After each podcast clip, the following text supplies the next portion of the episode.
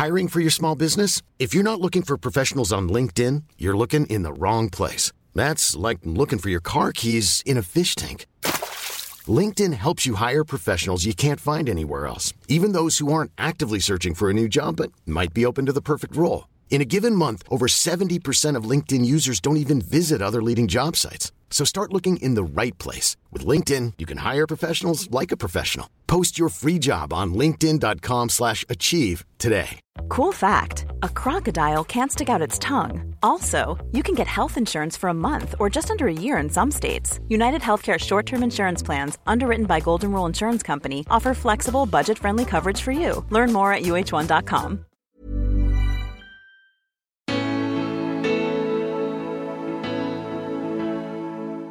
Hej och välkommen till ett nytt avsnitt av Spännande möten, en intervjupodcast med mig, Gunnar Österreich.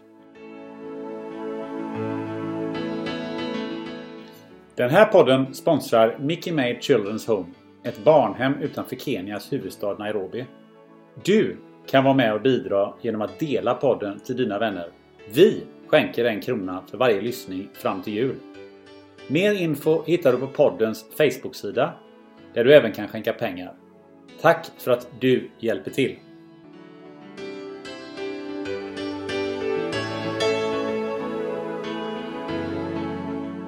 Alltså jag upplevde gymnasiet som en 40 veckors brevkurs. Alltså. Herregud, jag älskade ju skatter. Skatt, att få betala skatt så det finns sjukvård och barn, eh, som eh, dagis och skolor och vägar. Fantastisk, en uppfinning. Skatt är fantastiskt.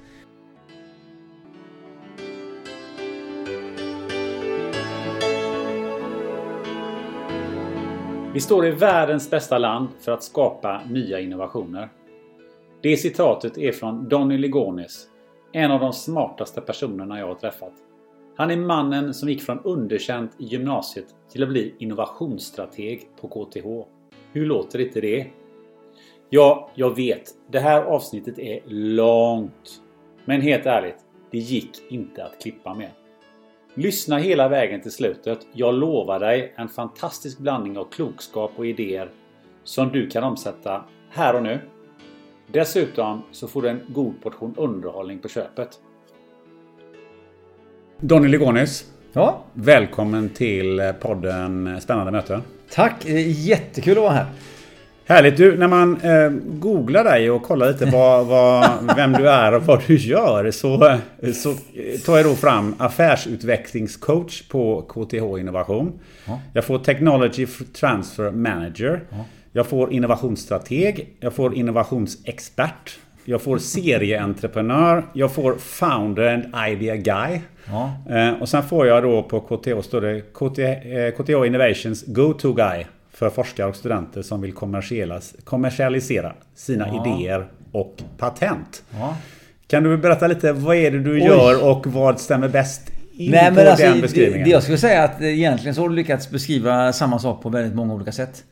Det är um, min... Jag vill börja med titlarna kan vi väl eh, ta sen. Men, alltså mitt jobb här på KTH, på KTH Innovation Eh, som är en avdelning på KTH. Det är inte något, det är inte något företag liksom, utan vi är en avdelning på KTH. Som finns till för de som pluggar, forskar eller jobbar på KTH. Som vill ha hjälp med att förverkliga sina idéer. Eller förflytta sina idéer ifrån huvudet eller labbet eller studierummet ut i samhället på något sätt. Det är det, det, är det vad jobbet går ut på. Så man är idé, alltså idéförädlare eller katalysator. Eller, det finns ju massa sätt att göra det här på. Och den gängse titeln för detta internationellt är ju Technology Transfer. Det är liksom den så. Så utomlands så är man en, man pratar om liksom TTOer, Technology Transfer Offices.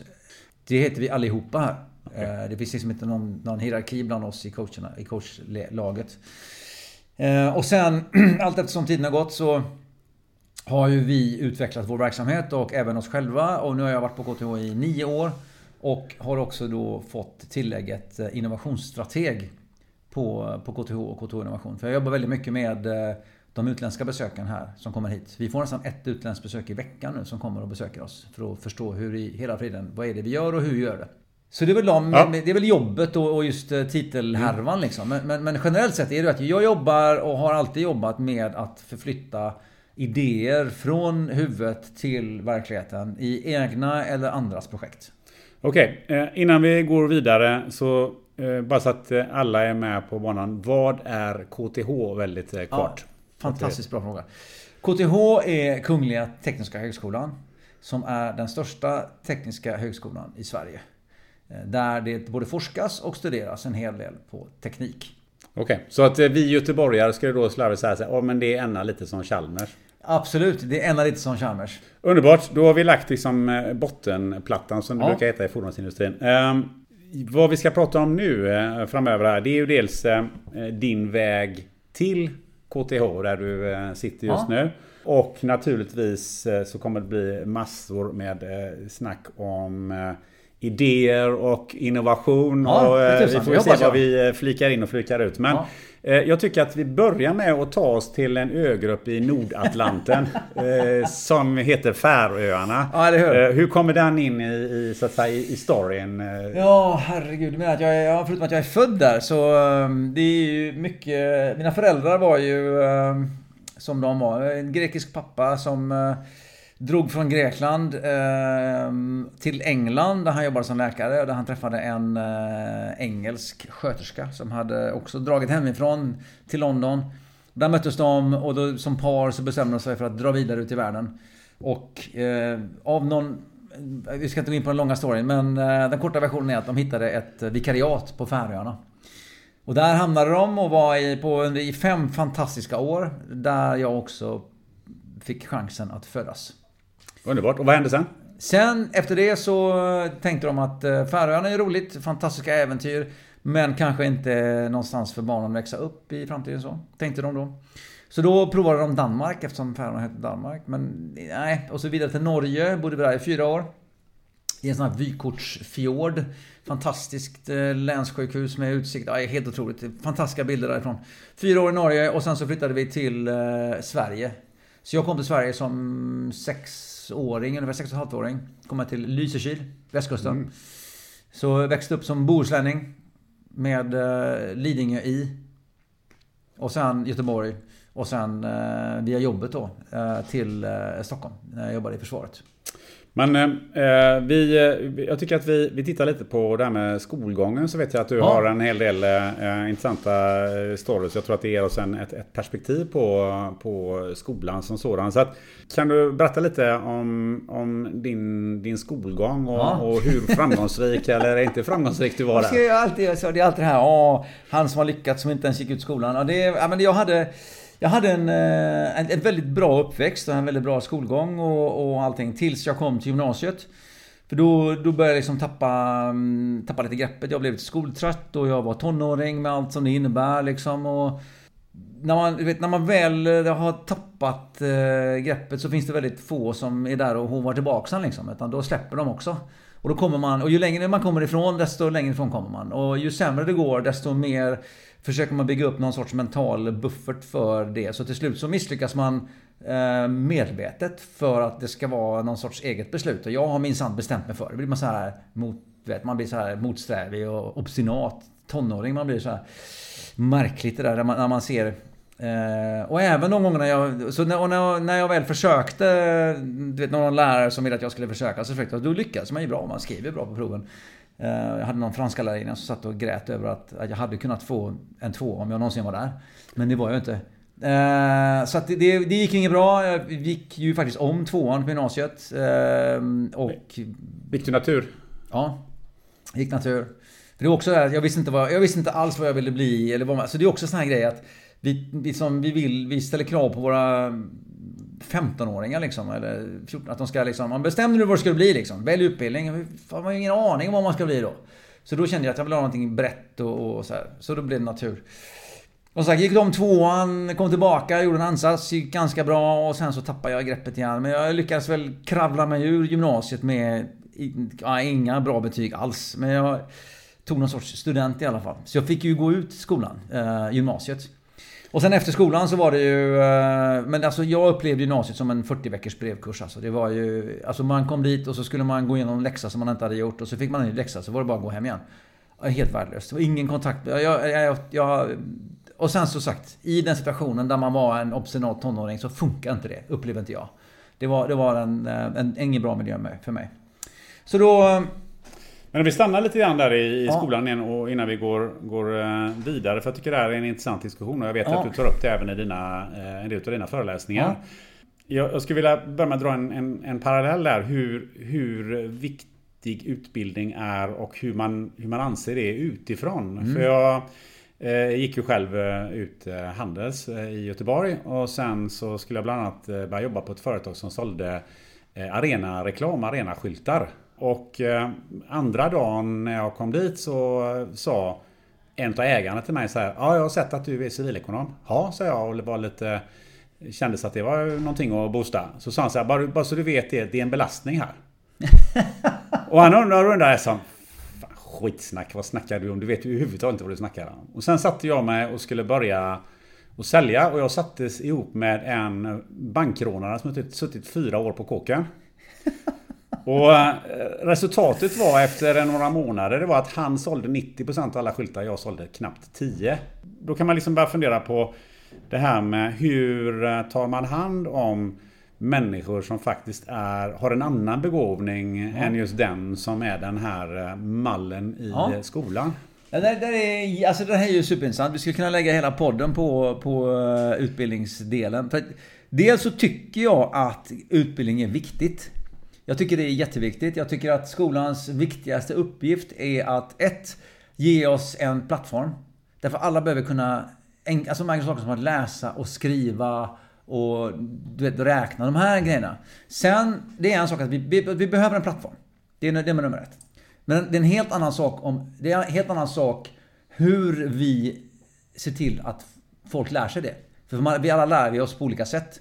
Och där, kan man väl, där finns det ju en hel del att önska. Liksom, att det finns en, en, en väldigt en... Traditionellt sett, nu har skolan förändrats jättemycket sen jag gick där, men alltså traditionellt sett en väldigt enkelspårig sätt att jag säger hur det är och så ska du lyssna och så gör du samma sak och då får du rätt. Om du svarar det här liksom rätta svaret. Men om du kommer med något annat svar eller ett annat sätt att göra det på, då är det oftast fel.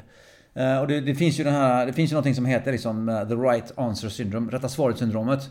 Som uppkommer när man, när man har liksom ett facit som beskriver det rätta svaret i boken. eh, Eller på, svar, eh, på frågan. Vilket gör att eh, i en situation där man försöker rätta sig efter systemet så blir det viktigare att fundera på vad de vill att jag ska svara än att försöka lösa problemet. Och det, det här ser vi ju även i företag. Att det är viktigare att få liksom en, en grön bock i rutan och ryggen fri än att faktiskt göra sådär. Och det finns, det här kan man säga på många olika sätt. En annan variant är att säga det är, liksom, det är skillnad på att göra saker på rätt sätt eller att göra rätt saker. Så. Och det är lite grann, allt det här hänger ju ihop va. Men, så att utbildning är bra, men jag, tror, jag tycker att det finns många olika sätt att lära folk grejer. Det fick jag själv lära mig när jag började lära ut saker sen när jag jobbade i försvaret. Eh, vilket jag, var en ögonöppnare för mig. Men i, tillbaka till skolan då så tycker jag att också att jag, skolans viktigaste, enskilt viktigaste uppgift är inte att lära mig massa saker. Därför de sakerna som skolan lär mig kommer alltid att vara förlegade när jag väl går ut. Så. Skolans enskilt viktigaste uppgift är att lära mig hur jag lär mig. Det är skolans uppgift. Och, och på individnivå lära varje enskild individ hur den, eller han eller hon lär sig och hur den ska lära sig. För om jag bara kan öva upp min, min, min egen liksom läroprocess och använda min nyfikenhet och, bli, och vara nyfiken och bli uppmuntrad till att använda min nyfikenhet. För alla är nyfikna. Sexåringarna är supernyfikna. Och så kommer de in och. Åh gud vad nyfiken man är. Och, man massa, och allting man inte kan hittar man på. Alltså om man inte vet varför himlen är blå eller vart det vita försvinner när snön smälter. Då hittar man på det. Och så kommer man in i skolan och säger bara nej, så här är det. Jaha, så får man ett svar på den frågan. Jaha. Och så säger han så ja men varför är himlen blå? Åh, och så hittar man på någonting. Bara, nej, det är fel säger de. Och då blir fel 0 poäng och rätt är 1 poäng. Och då tänker jag, jaha, det är bättre med 1 poäng än 0. Ja men då måste jag ju försöka liksom, du vet. Och så blir man då letar man då efter vad som är det här rätta svaret. Och om boken är 10 år gammal, då är svaret 10 år gammalt. Så att man ska aldrig lita på boken heller. Så. Alltså man ska kritiskt granska allting omkring sig. Men så att det finns en, en dimension av att jag tycker att skolan är, är bra. Jag tycker att skolans viktigaste, enskilt viktigaste uppgift. Och då tror jag, jag tycker att ingenjörsutbildningarna i Sverige har... Många av dem har förstått det att vår viktigaste uppgift här på KTH det är att, att skapa lärande människor som funkar i samhället. Det är otroligt viktigt. Vi ska inte stoppa dem fulla med liksom här, läs det här, skriv av det här och sen är det bra. Visst förekommer det absolut idag också. Det är jättemånga som pluggar här som är trötta på liksom, allt plugg. Liksom. Men det finns också en... Det finns också en... Eh, det vill också föra fram att...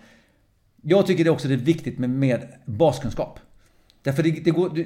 Kreat, om man säger alltså kreativitet och innovation. Om det bygger på rekombination av tidigare kända fakta på något oväntat sätt. Då måste jag ha en massa tidigare kända fakta att kunna rekombinera. Om jag inte kan någonting, då är det väldigt svårt att innovera också. Eller så kommer vi hitta bara på grejer som redan finns. För att det, det, är någon som har tänkt på det innan. För det är oftast så. Att, att liksom, om man innoverar från för låg höjd så har massa andra, betydligt smartare människor kommit på exakt samma sak innan. Så det behövs en hel del baskunskap också. Så det, man ska inte, det här med det här med att man, man säger liksom att ja, men, eh, jag, jag, jag behöver inte kunna någonting för jag behöver bara googla det. Ja men om man, då hamnar man i det här miniräknarsyndromet. Alltså 1 plus 1 är 2. Ja men du vet att det är så. Du behöver inte, du behöver inte använda miniräknaren. Alltså vi, vi blir väldigt lata i huvudet. Om vi, och att bara googla svaret är dessutom livsfarligt. För Google kan vi prata länge om också. Mm. Men alltså det, det... Vi behöver liksom lära upp hjärnan. För det är också det som skapar vårt innovativa och kreativa tänkande. Ja. Grymt. Ja. Grymt svar. Eh, du täckte in det mesta där som jag hade funderingar på. För att just det här att också att, att eh, det finns människor som lär sig saker och ting på väldigt olika sätt. Ja. Och, och, och, har olika förutsättningar. Man ser ju väldigt många som, som jag har hört om, som hamnar i, alltså i rent kriminella kretsar. Mm. Och när de väl tar sig ut därifrån så visar det sig att de är fruktansvärt innovativa. Ja. De är extremt eh, duktiga på att ta sig fram. Eh, de är villiga att jobba jävligt hårt. Mm. Och Eh, lyckas sen också faktiskt. Ja. Men när man tittar på deras historia i skolan mm. så var det ingen som tog hand om de förmågorna. För det fanns inte. Nej, Nej men precis. Och det, det håller jag med om helt och hållet. Liksom. Och, det, det, och jag säger inte att det är lätt. Jag säger inte att det bara gör bara så här så funkar det. Det här är jättesvårt. Eh, och det här har vi pratat om jättemycket också. Och pratar väldigt mycket om också. Men jag, jag slå... det finns en... Jag hittar balansen mellan det här liksom baskunskapen som vi ändå behöver för att kunna ta till oss saker också. Alltså kunna läsa, skriva och sådär. Det, det är baskunskap. Och, och, att... Så det, det, det, kan vi vara överens om att alla behöver kunna en, ha en plattform att kunna. Men hur man tar sig dit och hur man lär sig det, det skiljer ju väldigt mycket på olika människor. Jag menar om det är tyst miljö eller det vill ha musik på när man pluggar eller inte och så här, och det, Man måste ha respekt för att alla är lite olika. Sen då så eh, blev det lumpen och då skulle du bli bandvagnsförare. Ja, eller hur? Det var ju det, var det roligaste av allt alltså. Herregud. Jag, jag hade ju snackat med folk innan. Eh, det här med lumpen, det kändes ju jättekonstigt. Eh, och då var jag, då hade jag, då var jag precis kommit ur gymnasiet, jag hade skitdåliga betyg. Jag hade, jag såg, alltså jag hade ju i princip haft folk som hade sagt ganska mycket, alltså alla mina betyg, alla mina lärare hade i flera år övertygat mig om att jag inte kunde någonting. För det stod ju på papper, det fanns ju svart på vitt att jag inte kunde något. Så då trodde jag ju det. Mer eller mindre. Eller, eller, eller så trodde jag att jag kunde någonting annat och de inte fattade. Man var ju 18 bast, herregud vad är det så här. Uh, och jag snackade med en polare och han bara ja men du vet Sök något så här soft bara. Typ kör bandvagn i en lastbil. Kunde bara sitta och ta en cigg och bara köra omkring. Det är asnice. Jag bara, det låter bra tänkte jag. Ja, och så kom jag till den här det, mönstringen och man mönstrade och cyklade och lyfte och skrev IQ-tester och höll på och sådär. Eh, och så kom jag in till mönstringsrättaren och så sa ja men vad, vad vill, vad, vad du? Nej, jag tänkte jag skulle bli typ bandvagnsförare eller lastbilschaffis. Det låter ju bra så här. Och han bara skrattade och så bara nej, nej, nej det ska jag inte bli. Och då tänkte jag bara, fast kan jag inte bli det heller? Herregud, är jag, är jag så kass? Liksom. Och så han bara, nej, nej, nej, nej, men de här jäkla världarna, då ska, du inte, ska vi inte slösa bort dig på det där. Du ska ju bli befälselev. Jag bara, jaha, ska jag bli det? Ja, dig skickar vi till Boden i 15 månader. Och jag bara, Boden i 15 månader? Är du galen? Och då försöker jag hitta på någon dålig story om att jag hade någon sjuk släkting och tog att vara nära Göteborg. Ja, det vet vad, så... Jag bara, okej okay då, du får bli gruppbefäl i Småland. Ja, men det är hanterbart. Så liksom, jag ska vi skicka till Småland. Så den 3 augusti där, eh, 1987, så klev jag in genom grinden på Göta ingenjörregemente i Eksjö. Och där kan jag faktiskt säga, och det vill jag faktiskt säga, att där förändrades eh, mycket. Det var, det var en otroligt speciell tid. Fantastiskt var det. Ja, vi, hade, vi hade så roligt. Vi hade så fruktansvärt kul. Och vi var ett gäng, ja, mest flest killar. Det fanns en del tjejer, men de flest killar på den tiden. Som hade, vi hade, vi hade jätteroligt ihop, vi hade bra befäl, vi hade liksom meningsfulla uppgifter. Det var ingenjörstrupperna, så jag, jag gillade ju ändå liksom att bygga och fixa och greja och, och sådär. Och spränga? Det gjorde jag också. Eh, absolut. Både att bygga, bygga och spränga broar. Eh, absolut. Nej men så det, det, var, det var en fantastiskt kul tid och sen när det började liksom ta, gå mot sitt slut där så fick jag ju en fråga om jag ville gå vidare. Ja, så, och då var det verkligen så här, vad ska jag annars göra? Jag menar, jag hade, hade, haft någon dröm innan jag skulle komma in på Chalmers och läsa materialteknik för jag ville bli bildesigner. Det var en sån här pojkdröm. Men det, alltså det var ju så långt bort. Och sen kände jag bara, att sätta sig i skolbänken igen. Nej, det går inte. Det, jag ska aldrig kunna göra det. Och jag hade trivts jättebra med att i försvar, vara ute liksom. Och det var fysiskt aktivt också. Man, var, man lärde sig saker ihop med andra. Grejer som dessutom var värdefulla att kunna för någon form av högre syfte. Alltså nu, vi måste kunna det här för att kunna göra det här för att kunna åstadkomma det här. Och då fattar man direkt varför man skulle göra någonting. Och det var en stor grej för mig. Det här varföret liksom. Då först, då först började jag fatta det här med alltså motivationens betydelse för individen att ta till sig information. Ja, och då skulle jag gå vidare. Jag tänkte, ja men nu gör jag det här. Herregud, var jag inget annat för mig liksom? Vi tar väl så. Ja, och så då sa ja men då kan du börja här. Det var i maj då. Och då, du kan vi börja det i augusti och sen så, bara du skickar över betygen så stämplar vi in det här. Så bara, åh shit alltså. Ja, det, jo, det kan vi göra, tänkte jag så här. Så jag lämnade försiktigt in, sköt över betygen där och de bara, men vad, vad är det här? Du har ju inte ens... du har ju inte ens treor liksom. Du måste ju ha 3 och 0 liksom. Jag hade ju bara 1 och 9 eller 2 och 1 eller något sånt. Ja, jaha, vad gör vi då? Nej, du får läsa komvux ett och ett halvt år. Sen så får du söka igen. Och jag bara, ett och ett halvt år? Liksom. Herregud, då hinner jag ju gifta mig, skaffa barn, skilja mig, få barn. Herregud, det är ju jättelång tid när man är så här runt 20. Liksom. Ett och ett halvt år, det går inte. Har du några alternativ? Så han. Ja, men det är så. Det är maj nu så här. Eh, jag behöver stämpla in de här före midsommar. Du får, du får, du får fram till midsommar på dig och lösa det här. Ja, ja, då får jag göra det då tänkte jag. Så då traskade jag upp till eh, gymnasiet där på, eh, i, i Eksjö. Och ringde på och frågade Hej, finns det någon eh, sån här lärare här som skulle kunna köra, eh, hjälpa mig att tenta av några ämnen här innan midsommar? Ja, så fick jag träffa en gubbe där. Ja, jag kan hjälpa dig med det, sa han. Eh, absolut. Vad behöver du? Nej, jag behöver matte, fysik och kemi. Jag tror det var. Jaha. Så satte vi ett datum. Det var typ tre veckor bort. Ja, och så sa ja vad bra så. Eh, vad, har, du några, vad, några böcker, vad behöver jag läsa för det här? Men, vadå? Nej men jag kan ingenting om det här typ. Jag fick en etta i kemi på i skolan. Jaha, vad, jaha. Så nu fick jag en trave böcker och han bara skrattade. Jag fick en trave böcker och sen så gick jag och satte mig och sen så pluggade jag i tre veckor. Och sen tentade jag upp ärendena. Uh, ja. Det var Nej, ganska imponerande. Ja, jag vet alltså, Ja, visst. Men alltså det var ju... Man, det, man kan ju trycka in information liksom och sen så kan man skriva ner det efteråt. Det var ju, det var ju ren... Uh, ja, visst. Uh, men, men det var också så här, ja visst, eh, då kunde jag ju tydligen uh, plugga också om jag bara ville. Men alltså, jag ska inte säga att jag lärde mig någonting. Jag minns ju ingenting av dem, vad jag tryckte i mig under de tre veckorna. Det var ju ren... Det var den här egentligen sämsta... Sämsta varianten av utbildning liksom. Att läs den här boken och sen så kommer du ihåg vad som står där och sen så skriver du ner det på ett papper. Det, det är ju inte utbildning liksom. Det är bara någon sorts inrepeterad svada liksom. Så att visst så gjorde jag det. Och sen så kom jag in och så gjorde vi en sommarkurs vilket var, var jättekul. Och sen så kom vi in på officersskolan. Och sen så var det åtta år i försvaret. Eh, fantastiskt roligt. Eh, och än idag det mest kreativt eh, utmanande jobbet jag någonsin haft. Och det är ju där kan man ju fundera lite grann på för att för många utifrån som, som inte har eh, gjort det du har gjort och framförallt har varit så länge i det militära kan man ju tycka att det är lite fyrkantigt system. Alltså ja. du morgonen när sängen ska vara bäddat på ett visst ja. sätt och du, skorna vara polerade du ska ja. ha en viss fotvinkel när du står och ja. allt det här då. Eh, låter ju inte så kreativt. Vad är det kreativa i det du gjorde där? Men det, det, det där är jätteintressant. Därför att det, det, det här det, det, det är en jättebra fråga. Och det är en jätteintressant eh, betraktelse. Därför att vi, där, där går vi fel när vi bestämmer oss för vad som är kreativt eller inte. Och jag brukar göra jämförelsen med skådespelare. Alltså en skådespelare kan vi vara, är vi överens om att den personen som eh, som artist eller som, som eh, så. Det är väl en ganska kreativt yrke eller? Det, eller man är kreativ som skådespelare kan man säga. Ja.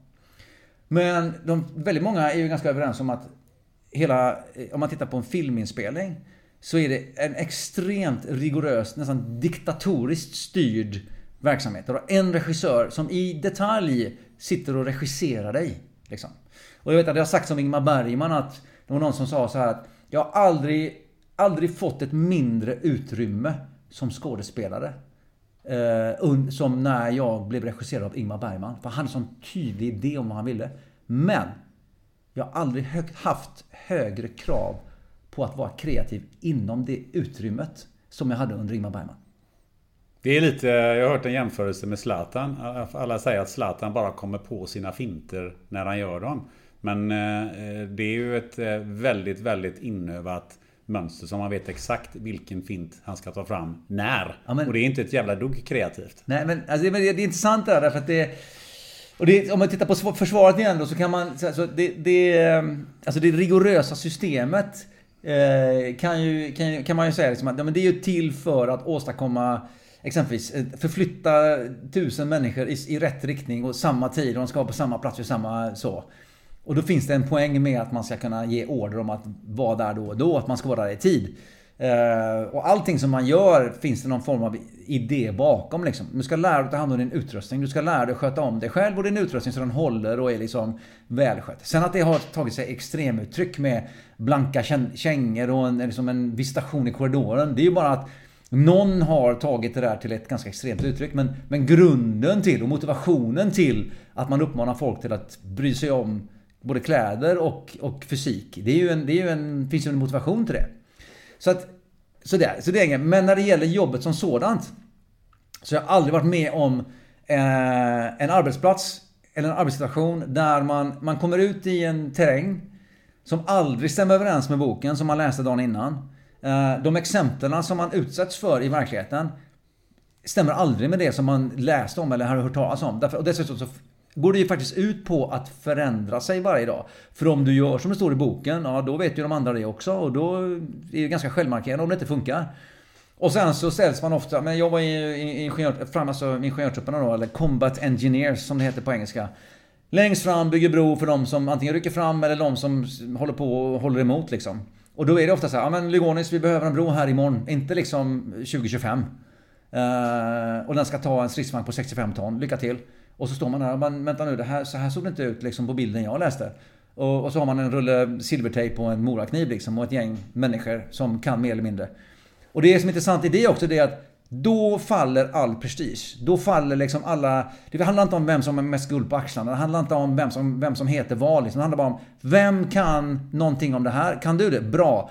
Säg hur vi ska göra och så gör vi det för vi måste fixa det här. Och, så, och det är verkligen det här med att man vinner som ett lag eller förlorar som ett lag. Det, så är det. Så det är bara, det är bara lös uppgiften och alla ska med liksom. Det, alla ska fixa det. Och det, det, spelar ingen roll vem som gjorde vad, vilken, så det spelar ingen roll. Om vi förlorar så förlorar alla. Om vi vinner så vinner alla.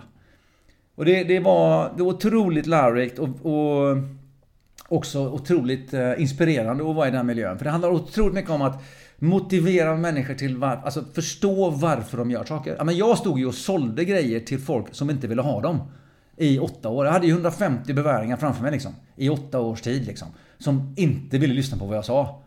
Eh, och som inte ville lära sig det jag höll på med. Och det, mitt enda budskap till dem när de kom in var att okej, okay, nu är ni här i sju och en halv eller tio månader. Det kommer inte bli roligare om ni tjurar och håller emot. Eh, vi kan åtminstone försöka ha roligt under tiden. Och så kanske ni lär någonting på kuppen. Eh, och så ska vi se till att eh, om ni inte fattar varför, varför ni gör någonting, så fråga mig så ska jag försöka förklara varför. För det finns en poäng med det här. Och med det så kom han ganska långt. Så det, det, det, var en, det var en otroligt lärorik, otroligt inspirerande och, och, och det har jag tagit med mig i sen när jag i alla liksom, jag, jag har blivit, eller jag kanske, jag var ju det innan också. Från föräldrarna menar också, men alltså lösningsorienterad. Eh, det går alltid liksom att, att hitta en väg framåt. Eh, det finns liksom inget alternativ egentligen. Utan det, det, och man får ihop det liksom. Och det, om inte jag kan det så är det någon som jag känner som kan det. Eller så är det någon som, någon som känner som känner någon som kan det. Alltså det, man får fixa det bara. Och det tog du med dig sen då eh, ut i eh, ditt, eh, ditt, ditt nästa steg i, i Ja. ditt arbetsliv. För att eh, du var i, eh, i det militära i åtta Ja, år. 8-9 år sedan. Ja. Och eh, sen kom du på att nu, nu får det vara bra. Nu hittar jag på något nytt. Ja, och det var ju i samband med... Alltså jag jobbade i försvaret under nedläggningstiderna liksom. Så det var ju... Det var ju ingen framtidsorganisation som sådan. Så att till slut så blev det, la ju ner regementena och även där jag jobbade. Och då fick man ju, om man skulle byta regemente eller byta stad eller hur man skulle göra eller om man skulle göra någonting annat. Och samtidigt hade syrran jobbat på Handels i Göteborg. Eh, nästan lika länge och forskat i ekonomin också. I ekonomi där också. Eh, och hon var också ganska trött på det för eh, då att vara, att vara kvinna och forska Dessutom i ett ämne som, ja, nu heter det entreprenörskap. Då hette det småföretagsekonomi. Ehm, det var inte ens ett ämne liksom då på den tiden. Det var ju bara blaha blaha. Ehm, hon hade ju helt ruttnat på det liksom. Att det, det var otroligt svårt att vara tjej i akademin då. Det är fortfarande svårt att vara tjej i akademin. Eh, Och då var det ännu svårare. Okej, och vad gjorde ni då? Då bestämde vi oss för att starta eget. Och det Bara sådär? Ja, men det var, vi är så här, nu måste, vi måste vi göra någonting själva. Farsan hade haft en egen läkarmottagning. Så hade vi hjälpt honom med det lite grann. Så lite ekonomiskt sådär och hjälpt till och sådär. Men bara, äh, vi vill också, vi vill göra en egen. Och det roliga var att vi, vi gjorde ju... Om man ska, idag så skulle jag ju kanske inte liksom råda någon att göra som vi gjorde. Men, men det var verkligen så här, vi vill ha ett eget företag. Vad ska det göra? Ingen aning. Inte liksom något kunddrivet så här, bara, identifiera ett problem på marknaden och så här. Det var verkligen så här. Och så hade vi en lista på grejer som så här, ja men det, det här, här finns affärsmöjligheter liksom. Så visserligen så, det var ju i och för sig rätt då att vi försökte identifiera vettiga grejer att göra som vi också tyckte var roliga. Då hade vi en lång lista med grejer. Alltså allt ifrån att ta in licens på Kentucky Fried Chicken. Det var allt liksom. Allt var med. Och så var det faktiskt syrran som hade jobbat med en kille som höll på med det här nya multimedia. Det var liksom så här CD-ROM-spel för barn.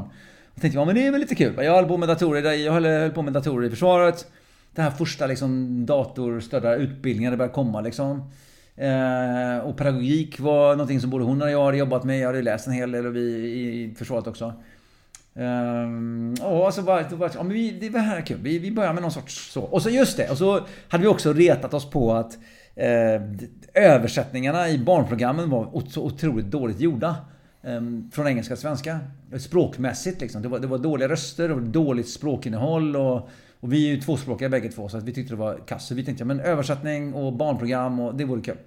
Så vårt första uppdrag i det här lilla bolaget blev faktiskt att översätta Nicke Nyfiken, CD-ROM-produktionen, till svenska. Det var vårt första gig. Eh, och då gjorde vi det. Jag tänkte ja, men det här var jättekul. Så här, det kan vi nog göra själva. Och det har också varit sån här genomgående mantra. Ja men det här kan man väl göra. Liksom. Men hade man distributionen klar eller var det ni byggde Nej men då, ju- det, den produkten gjorde vi åt liksom ett förlag liksom. Så det var ju bara att vi fick ett uppdrag så.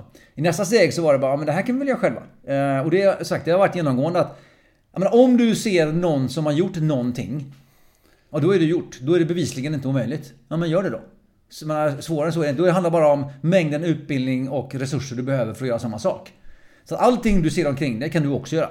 Det är skitenkelt. Det svåra är ju att göra någonting som du inte ser omkring dig. Av olika anledningar. Om det ens går liksom. Det är ju där liksom den här innovationen och kreativiteten kommer in och så. Men så då... Mm, nästa steg var att vi försökte göra en egen produktion. Så då, eller vi i alla fall översätta en egen produktion. Så att då åkte jag ner till en, en mässa, en sån här multimediamässa. Det som idag är eh, World Mobile Congress i Barcelona. Hette eh, Milia i Cannes då. Och bara gjorde fotarbetet. Ja, det var 600 montrar i det här rummet. Eh, och jag besökte varenda monter på två dagar. Skakade hand med allihopa och bara försökte lära mig så mycket jag kunde om hur man gör det här. Och ringde hem så här. Ja syrran, de här CD-ROM-skivorna de funkar så här. Ja men du vet, det var verkligen så. Och eh, hade jättekul, träffade massa människor och hade med mig eh, tre, tre Letter of intense med mig hem. På folk som ville att vi skulle eh, lokalmarknadsanpassa deras produkter till Norden. Och jag bara, ja vi kan göra svenska, norska, danska, finska, inga problem. Finska liksom, tänkte vi då. Men okej, vi gör det också. Så då eh, hade vi några med oss, hade vi tre med oss hem. Eh, varav ett var eh, ett jättekul litet företag tyckte vi så här. BBC hade jag snackat med också. De tyckte vi var lite för små. Så. Och så har jag snackat med ett australiensiskt förlag. Det var rätt kul. De hade en liten produkt om en koalabjörn och vi tyckte det var jätteroligt. Och sen så när de väl skickade alla papper till oss. Och så, det var så 70-sidigt avtal. Och så tänkte vi, vad i hela friden? Och då började vi kolla upp de här. Då visade det, då det här ju Asiens eh, största mediaföretag. Så de ägde, du vet, 65% av alla biografer i hela Sydostasien. De var ett jättestort TV-bolag och Village Roadshow liksom. Det är de som har släppt Matrix-filmerna sen och 99 och framåt. Jättestora eh, filmbolag, filmbolag idag. Oj, tänkte vi. Och vi är två pers på en vind i Torslanda. Oj, hela friden ska vi göra det här liksom. Så vi, vi skrev faktiskt eh, ett... Eh, ett, ett skrev ett fax, tror jag vi borde. Eller ett mail. Mail eller fax. Man faxar mycket på den tiden. Um, och till uh, den här VDn då som vi hade träffat där nere. Och skrev bara, vi är jätteledsna. Eh, men vi är bara två personer. Vi, vi vill ju såklart jättemycket. Eh, och, vi, och skulle vi få det här tillfället så skulle vi göra allt i vår makt för att göra det bra. Men alltså vi, vi har inga resurser. Vi har liksom ingen track record. Vi har inga marknadskanaler. Vi kan inte fylla i de där papperna. Så att vi är ledsna men, men tack så mycket. Tack för att ni visade oss eh, chansen. Skickade iväg det där. Gick och la oss. Tidsskillnad och allting. Så kom vi tillbaka och tittade. Och då fick jag fått ett svar ifrån han då. Milt. Där han skrev. Grymt! Det var precis så jag startade. Vi kör! det är otroligt ju! ja, jag vet! Och vi bara yes! Då satte vi den dealen och fick in då dem som, eh, som eh, partner där. Vilket då i nästa mässa så kunde jag liksom svansa förbi BBC's monster och säga Nu har vi fått Village Rose och de bara Va? Har ni fått dem? Ja, då ska vi snacka! Och då håvade ju en BBC också. Så då hade vi BBC's utgivning i Norden också. Så det, det var ju en jättekul resa liksom eh, där. Eh, och sen så vart det ju du vet 98, 99 och IT-bolag, IT-eran och det vart webb och hela den grejen. Och sen så vart vi uppköpta i två olika delar. Eh, multimediaproduktionen gick upp i ett norskt förlag och internetproduktionen gick upp i ett eh, Stockholmskt, eh, en webbyrå. Som heter Reference. Eh, och då, med den så flyttade jag upp till Stockholm. Igen. För jag flyttade tillbaka till Göteborg då för eh, bolagsstarten. Uh, och sen uh, vart det dem och sen så blev det uppköpt av ett stort IT-bolag och helt plötsligt var man liksom 600 pers och bara oj då. 70, så jag var, ja, då hade jag 75 pers i min webbavdelning helt plötsligt. Jag bara, hur gick det här till? Ja men du vet, år 2000 ja. var helt galet så här. Och då eh, det är också intressant då, för då föddes också en annan grej. För då, då föddes liksom mitt intresse för det här med eh, alltså, eh, idéhantering och jobba med eh, idéprocesser. Det som sen blev att jag jobbade med innovationsprocesser. För då hade jag helt plötsligt eh, det var ju då 600 anställda i fyra länder på åtta kontor. Och jag kände bara, men hur, hur, hur, hur tar vi hand om allas liksom idékraft? Och då började jag fundera på det här med, med onlinebaserade system. Ehm, det hade precis börjat liksom. Det var några amerikanska bolag som hade börjat liksom nosa på det här med, med liksom, det som sen blev idé management system liksom under 2000-talet. Det började med, jag tror jag byggde mitt första 2000 eller 2001. Eh, och började jobba med idéprocesser och ideation och idégenerering och sådär. Eh, och sen det har sen då lett till att jag har jobbat med det ehm, och som har sen spurit över till innovationsprocesser på en högre nivå sen, som jag jobbar med nu då. Men det där var, det började liksom redan där. Liksom.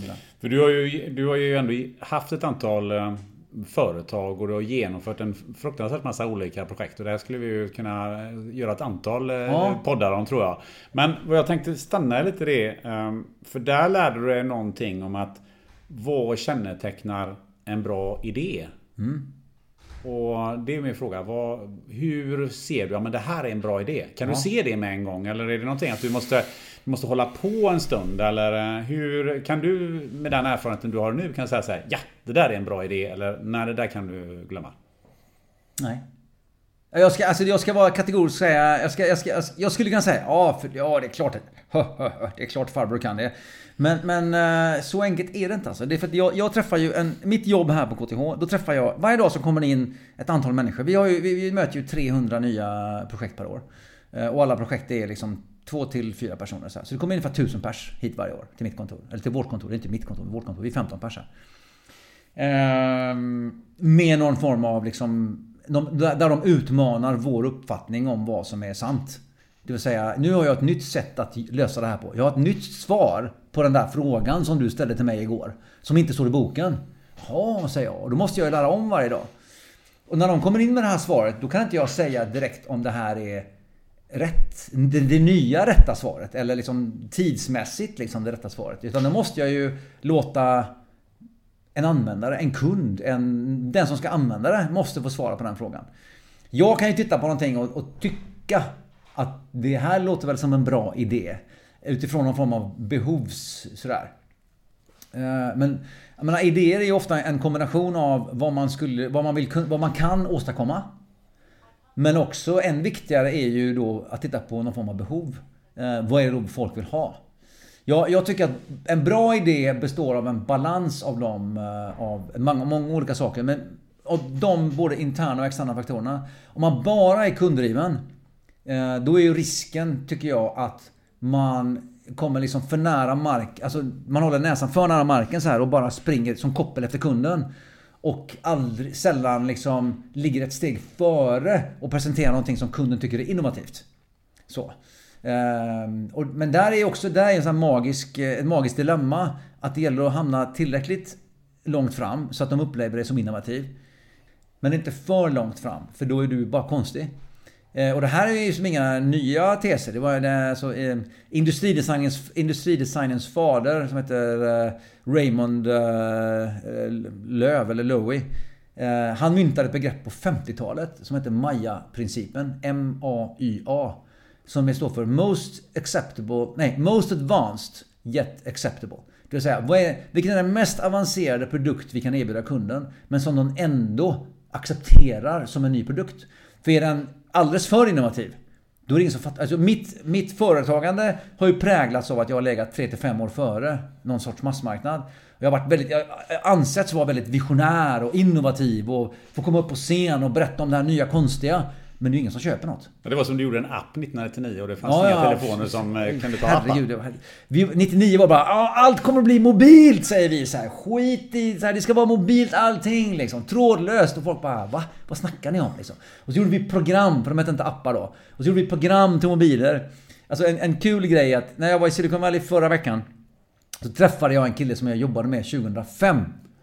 Och han började berätta skrönor för sin flick, eller sin fru om vad vi hade gjort 2005. Och bara och Donny, jag tror han tog fram det här och det här och det här. Han berättade så mycket grejer. Och jag bara satt och garvade. Jag hade, jag hade ju förträngt det här. Jag hade glömt det här. Han bara, han hade, han hade, han tog fram så mycket grejer. Han hade en Spotify-tjänst, han hade den här grejen, han hade den här grejen. Han bara radade upp grejer som vi hade byggt 2001 till 2005 mobilt liksom mobila strömningstjänster för musik och vi byggde betalningslösningar i mobilen. Vi byggde mobila biljettsystem och allting. Och ingen fattade någonting. För det fanns ingen infrastruktur, det fanns liksom inget köpbeteende, det fanns, liksom, det fanns ingenting. Liksom. Och där var det typiskt dålig timing. Så där, där var vi så här vet, uppfinnarverkstan som, som kom på massa coola grejer men som, inte, som var ganska liksom långt ifrån det här med vad kunden vill köpa. Eh, så det är också en läroprocess. Att man, man lär sig eh, att hitta var någonstans eh, ligger liksom det upplevda accepterande kundbehovet. För att komma tillbaka till din fråga då. Vad är en bra idé? En bra idé är en kombination av någonting som det upplevs som att inte så många har tänkt på förut. En kombination som känns ny. Kopplad till ett tydligt behov som du som kund har. Där när du ser den här prylen också förstår vad du ska ha den till och hur den ska funka. Om du tittar på den och tycker så här, ja det här eh, verkar konstigt. Hur ska jag ha den här liksom? Då är, då är, ju, då är det ju fel träff i mål liksom. Ja men är det inte det här ett, ett eh, typexempel att kunden vet inte vad han inte vet? Som någon har sagt till mig. Alltså, eh, hade, hade någon frågat vilken förbättring vill du ha på telefonen så hade man förmodligen inte gett det svaret som iPhone var. Men samtidigt var iPhone så enkel så att han kunde direkt förstå, aha, Mm. Det här är någonting jag behöver. Ja men alltså det är absolut. Och det är, jag menar, det är, det är två, två grejer att stå fasta på det här. Det är ju att för det första så när det gäller just Apple så har de en, de har OS-guld i en specifik gren. Och det är liksom att, att matcha ditt upplevda behov med en produkt som för just det tillfället, i den tiden, sitter helt rätt. Det låg liksom ingen i en TV-soffa för 15-20 år sedan och drömde om en, en glasplatta på vilken man med en svepande rörelse kunde konsumera media. Det fanns ju inte den önskan. Men när en iPad kom då var det bara, oh, men den här har jag alltid velat ha. Precis så här vill jag ha det liksom. Fast du har aldrig uttalat det orden. Och det, är också, det leder mig in i det här med när man, när man försöker då utröna behov. Eh, så brukar jag ju skojsamt säga till företag att ja, men, gå, så här, ni måste prata med era kunder. Förstå kunderna och kundresan. Men vad ni än gör, lyssna aldrig på vad de säger. Därför det är som du säger, de, de kan inte artikulera. För om, de, om du lyssnar på exakt vad de säger, då blir det att du följer dem som koppel, med koppel. Men om du lyssnar på vad de beskriver, vilken, alltså vilka pains och gains, det man brukar prata om. Alltså, vad vill de, hur beskriver de ett problem? Hur löser man problem idag? Hur skulle de vilja att, tänk, tänk om det fanns någonting som, hur skulle det kunna vara då? Ja, men jag önskar att det bara så, så. Och där hittar man ofta luckor till saker. För då utifrån ett sånt, en sån behovsbeskrivning så man sen, kan man sen gå vidare och titta på, ja men vad är då möjligt att åstadkomma? Och vad är inte möjligt att göra? Men ta, eh, och det här timingen också då. Är, alltså, det handlar inte om time to market, det handlar ju om timing to market. Och jag menar, tittar man på en, en sån som James Cameron, en regissör som gjorde Titanic och, och sådär. Hans historia är ju jättehäftig därför att han gjorde ju en eh, väldigt liksom avancerad eh, film med datorgrafik, CGI, som heter The Abyss eh, undervattensfilm. Så här. Och den kunde inte han göra förrän liksom, eh, tekniken tillät det. Och sen så fick han vänta några år till för han hade en idé om hur han ville göra Terminator 2. Men den kunde han inte göra heller förrän att så. Och sen så skrev han manus till Avatar, tror jag var 96. Och så gjorde han den 2004 eller 2005. Han gjorde den 10 år senare. För han fick vänta på att det fanns teknik som kunde åstadkomma det han hade sett eller det han ville göra. Så han fick vänta in tekniken liksom. Eh, så det är också ett exempel på det här med, med, med timing. allt det här hänger ju ihop. Liksom, att en bra idé, eller en, eller en bra innovation då. För idéer är ju en sak och, och genomförda idéer som skapar värde, innovationer, är ju en annan sak. Eh, det är ju en, en, en väl tajmad produkt eller tjänst som matchar ett upplevt kundbehov eh, med liksom en, en, eh, en, en bra tillämpbar teknik i en infrastruktur. Alltså det är ju det, när, det sitter, när det sitter liksom. Men man, hur går en, en sån process till? Jag menar, det kommer någon till dig med säger så här, jag har den här idén. Jag har tagit fram det här. Ja. Um, jag har hittat på det här. Eller skulle man inte? Eller, ja. nej. Och så säger man, det här är världens bästa idé. Ja.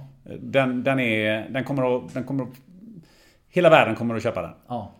Uh, jag antar att det är det du hör uh, från början då. Hur, är, hur ser processen ut från den här enorma Ready to pop the question? The jewelers at BlueNile.com have got sparkle down to a science with beautiful lab grown diamonds worthy of your most brilliant moments. Their lab grown diamonds are independently graded and guaranteed identical to natural diamonds, and they're ready to ship to your door. Go to Bluenile.com and use promo code LISTEN to get $50 off your purchase of $500 or more. That's code LISTEN at Bluenile.com for $50 off. Bluenile.com code LISTEN. Quality sleep is essential. That's why the Sleep Number Smart Bed is designed for your ever evolving sleep needs. Need a bed that's firmer or softer on either side? Helps you sleep at a comfortable temperature? Sleep Number Smart Beds let you individualize your comfort so you sleep better together. JD Power ranks Sleep Number number 1 in customer satisfaction with mattresses purchased in-store. And now, save 50% on the Sleep Number limited edition Smart Bed for a limited time. For JD Power 2023 award information, visit jdpower.com/awards. Only at a Sleep Number store or sleepnumber.com. Hey, it's Ryan Reynolds and I'm here with Keith, co-star of my upcoming film If, only in theaters May 17th. Do you want to tell people the big news? All right, I'll do it. Sign up now and you'll get unlimited for $15 a month in six months of Paramount Plus Essential Plan on us. Mintmobile.com slash switch. Upfront payment of $45 equivalent to $15 per month. Unlimited over 40 gigabytes per month. Face lower speeds. Videos at 480p. Active Mint customers by 531.24 get six months of Paramount Plus Essential Plan. Auto renews after six months. Offer ends May 31st, 2024. Separate Paramount Plus registration required. Terms and conditions apply if rated PG. Entusiasmen som någon visar över att man har kommit på någonting som är eh, som ingen annan har sett till att det faktiskt blir en eh, ett företag och en, en, ja. någonting som någon vill ha.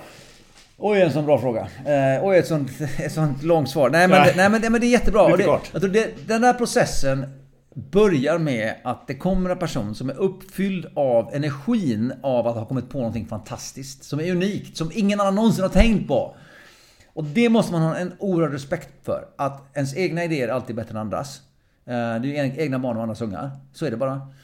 Och man får inte, man får inte ha ihjäl det. Man får inte döda den energin. Man måste låta folk leva kvar i... Inte lura dem. Men man måste hjälpa dem att vara kvar i energin och, och sen lotsa dem vidare så att de själva förstår om det här kommer att funka eller inte. Om jag säger bara Nej du vet Gunnar, det här var ingen bra idé. Det kommer aldrig att funka. Då kommer det vara mitt fel att du inte fick förverkliga din idé. Och då kommer du gå omkring jättelänge, kanske alldeles för länge, med någonting som kanske aldrig hade funkat. Och bara bli bitter uppfinnare och liksom vara arg på mig för att jag minsann sa nej. Och så, där finns det ju gott om. Eh, så det viktiga är att jag hjälper dig att förstå varför, om det här är en bra idé, om det inte är en bra idé så måste du fatta varför det inte kommer att funka. Även fast det fortfarande är en bra idé i sig. Och det är också, då är det steg två då i det här. Det är att jag kan, jag kan, jag kan aldrig liksom bara slå ner på det du har berättat för mig. För att det du, det du har kommit på är oftast baserat på någon form av problem du vill lösa. Ja. Men din lösning kanske är den, inte är den bästa. Eh, men det vi gör ofta, det är ju att vi dödar lösningarna. Istället för att förstå vilket problem du försöker lösa. Problemet kanske är jätteviktigt, men vi dödar liksom lösningen. Och där är vi tillbaka till det här 1 och 0 eh, i skolan igen. Att det handlar inte om att du svarar den här, det handlar om vilket problem du försöker lösa. Så att om jag kan förstå din problemställning, vad det är du försöker lösa, så kan jag lyssna på din lösning och så kan jag liksom bolla tillbaks och så kan vi ha en dialog fram och tillbaka om, ja man skulle man inte kunna, och tänkt på det så kan man vända och vrida på det till kanske någonting som, som funkar. För att det är så lätt att man också bara dödar själva lösningen och säger man det här kommer aldrig att funka. Sen då så är det ju en, en, en resa beroende på om du vill lösa någonting eller om du har löst någonting. Alltså det, vi möts, eftersom vi är på ett tekniskt universitet så möter jag ju många människor som är väldigt teknikdrivna. Som har, har en teknisk lösning och då är det ju lite grann som att man har en, en lösning som letar problem. Alltså vem skulle det här passa för i vilket sammanhang? Och då är, måste man vända på det där så det blir ett kunddrivet eller ett användardrivet beteende istället för ett i teknik och lösningsdrivet. Så då har vi en modell där vi, där vi helt enkelt bara säger att ja, men fyll i den här mallen. Eh, där första grejen är behov. Vilket behov är det du försöker möta? Och kan man formulera det, då har man kommit en bit på väg. Så kan man formulera behovet och det är tydligt och kvantifierbart och det, man kan påvisa att det finns genom olika, man pratar med folk. Eh, då kan man också bestämt beskriva nästa steg som är lösningen och hur man tar sig an det och vad det är för fördelar med den lösningen för med gängse lösningar. Och vad det finns för eh, eh, eh, olika konkurrenter eller alternativ eller substitut. För det glömmer man också bort. Man, man, så när jag säger så här, ja det här är, det får jag också höra. Den här idén är helt unik. Det är ingen som har gjort det här förut. Ja men säger jag, men, men den här då säger jag. Den ser väl ganska lik ut. Ja nej nej, den är, det är inte alls samma grej. Ja men jag kan väl använda den för att lösa samma problem eller? Ja, ja, ja, men, men det är en helt annan grej. Och då, då måste man också förstå liksom att ja, men om det finns direkta konkurrenter och så finns det alternativ och så finns det substitut. Och ofta så, så tittar man bara på det som är rakt mitt, mitt emot liksom, konkurrenten. Och ser man ingen där, då finns det ingenting, tycker man. Det finns alltid liksom massa andra grejer. Och då måste man förhålla sig till, för att i ens användare eller kundens vardag så finns det massa andra grejer som de kommer att relatera till. När du kommer och säger Hej, köp den här, säger du. Ja, men den är ju mycket dyrare än den här grejen och den här är jag ju bekväm med, säger de. Och det är så. Så det, det finns mycket att förhålla sig till där. Men där, för oss så handlar det mycket tidigt om att vända perspektivet från att titta vad jag vill bygga till att fråga sig vad vill någon ha byggt? Liksom. Vad, istället för att liksom, istället för att bygga, eh, istället för att göra så att folk vill ha saker, så ska man göra saker folk vill ha. Det är ju liksom det är två olika saker Mm. Men eh, möts du också av att eh, folk är rätt rädda för att misslyckas? För det är ju en ganska allmän, eh, tycker jag, en ganska allmän uppfattning om att Ja men jag vågar inte det här. Alltså, det kanske inte är här på, på KTH. Men alltså det finns ju en allmän tendens att hålla på med riskminimering. Ja. Ja. Alltså att Eh, ja, men vad är risken med det här? Börjar man med, om man har en bra idé, än att säga att ja, men det här är världens bästa idé. Och sen när man kommit till steg två så man säger ja, det kommer att kanske inte går och det kostar mycket pengar. Och, ja. och så finns det massa människor runt omkring som säger det där kommer aldrig gå. Ja. Det är ett mänskligt beteende. Det, det, jag kan säga, det här det har jag mött, mött överallt alltså. Det, det, vi, det finns någon, sån här, någon myt om att i Sverige så är vi så himla rädda för att misslyckas och att det är fult att misslyckas. Och så, men det, det har ingenting med Sverige att göra. Det där är utbrett över hela världen. Eh, precis överallt. men jag ska säga att det... Väldigt, väldigt ofta så handlar det också, inte bara om det här med att man är rädd för att misslyckas. Eh, vilket kan vara viss, till viss del kulturellt betingat. Men det handlar ju också om att... Jag kommer ihåg en, en av mina mentorer eh, sa till mig en gång när jag kom för hundrade gången kom inspringande i rummet med armarna viftandes över huvudet med någon, ytterligare någon knasig idé. Jag jobbade på någon fackförening då. Så sa han så här, ja men nu får du lugna dig. Så vadå så? Ja men alltså nackdelen, nackdelen med riktigt bra idéer. Det är att de tyvärr ofta urartar i jäkligt hårt arbete. Och det, det ska man liksom, det är väldigt många, väldigt många tycker jag har en bra idé. Men eh, steg ett, de vet inte vad de, hur, hur de förverkligar det. Eh, och det känns jobbigt. Eh, och det kostar mycket tid och det är effort och det är så här, Och det, ja, det är det. Det kostar blod, svett och tårar och en, en hel del pengar att förverkliga någonting. Och där är det många som, som stannar. Och det handlar inte så mycket om rädslan. Jag skulle säga att det handlar inte så mycket om rädslan att misslyckas. Som att man tycker att Uff, ja det här var kul men gud vad en sån effort det kommer att bli att göra det här. Och tänk om jag gör allt det här förgäves. Tänk om jag investerar min, min tid och min svett och mina pengar i det här och så går det inte. Då är ju allting förlorat. Eh, och sen så visst, absolut, så finns det ett visst stigma. Eh, men jag, men jag vill faktiskt eh, jobba bort det här lite grann med att det, skulle finnas, finnas någon sån här jätte liksom, risk med att folk som provar någonting och blir misslyckade. Liksom. Jag, jag, tror att det känns som att det inte riktigt är så. Det finns, jag tycker att det finns andra hinder som är större. Och det är mycket det här med att hur gör jag det här? Ja, vi har ju försökt här på KTH då, på innovation, så har vi insett, och det här är också någonting som vi har fått lära oss. Vi har fått sänka och sänka och sänka och sänka trösklarna för att komma in till oss hela tiden. Därför vi har insett att bara genom att göra det liksom tillräckligt svårt för folk att komma hit med en idé så kommer inte folk hit med en idé. Om de måste fylla i massa papper innan. Ja men, jag, ska, ja, jag gör det någon annan gång. Jag hinner inte idag. Jag gör inte det. Ja, men åh, vad jobbigt. Ja, men, men hur gör man det? Och vad ska det stå här? Jag vet inte. Nej, det var för svårt. Och så slår man, slår man ifrån sig liksom. Men om man bara får komma hit och sätta sig med någon av oss och ta en kopp kaffe och så pratar vi igenom de här grejerna. Det är inga problem. Jo, men, men bara... Och sen, men jag vill bara säga att absolut, det här, men det här med misslyckandet. Alltså det, vi, vi... Ordet alltså misslyckande är ju liksom en, en, en miss... En, en lyckad miss.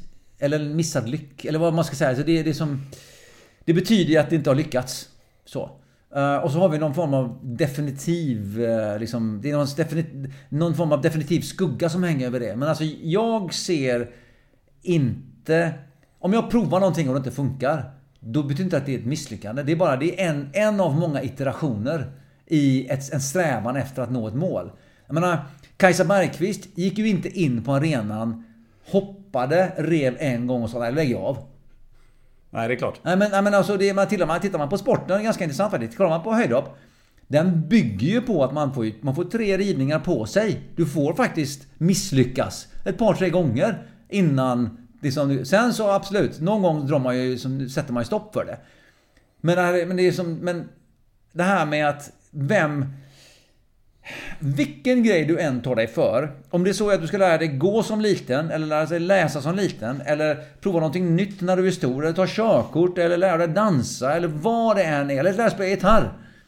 Så kommer det inte vara så att du tar upp en gitarr och slår ett, någonting på svängarna och så tänker du fan det här lät ju inte bra och så lägger du av. Du vet ju att det är en, en process. Det är precis samma sak med idéer. Det är precis samma sak med det här att allting är en, det är en läroprocess. Det är därför jag älskar jag, jag har insett att jag älskar att lära mig nya grejer. Eh, och det var inte skolan som lärde mig det, kan jag säga. Men det är därför jag älskar det här med idéer och nyföretagande och startups. För att man får alltid testa nya teser. Tänk om det här funkar. Borde man inte kunna göra, borde man inte kunna göra så här? Jag upplever att folk skulle vilja ha en sån här. Och så testar man och testar och testar. Nej, det funkar inte. Nej, men hur, gör vi, hur skruvar vi om den här då? Och så testar man igen och så provar man igen och så till slut så bara Men kolla här, det funkar! Och det var ju fler som tyckte det. Ja, men det funkar det för ännu fler. Ja! Och så pff, får man bevis liksom. Det är fantastiskt. Det är jätteroligt.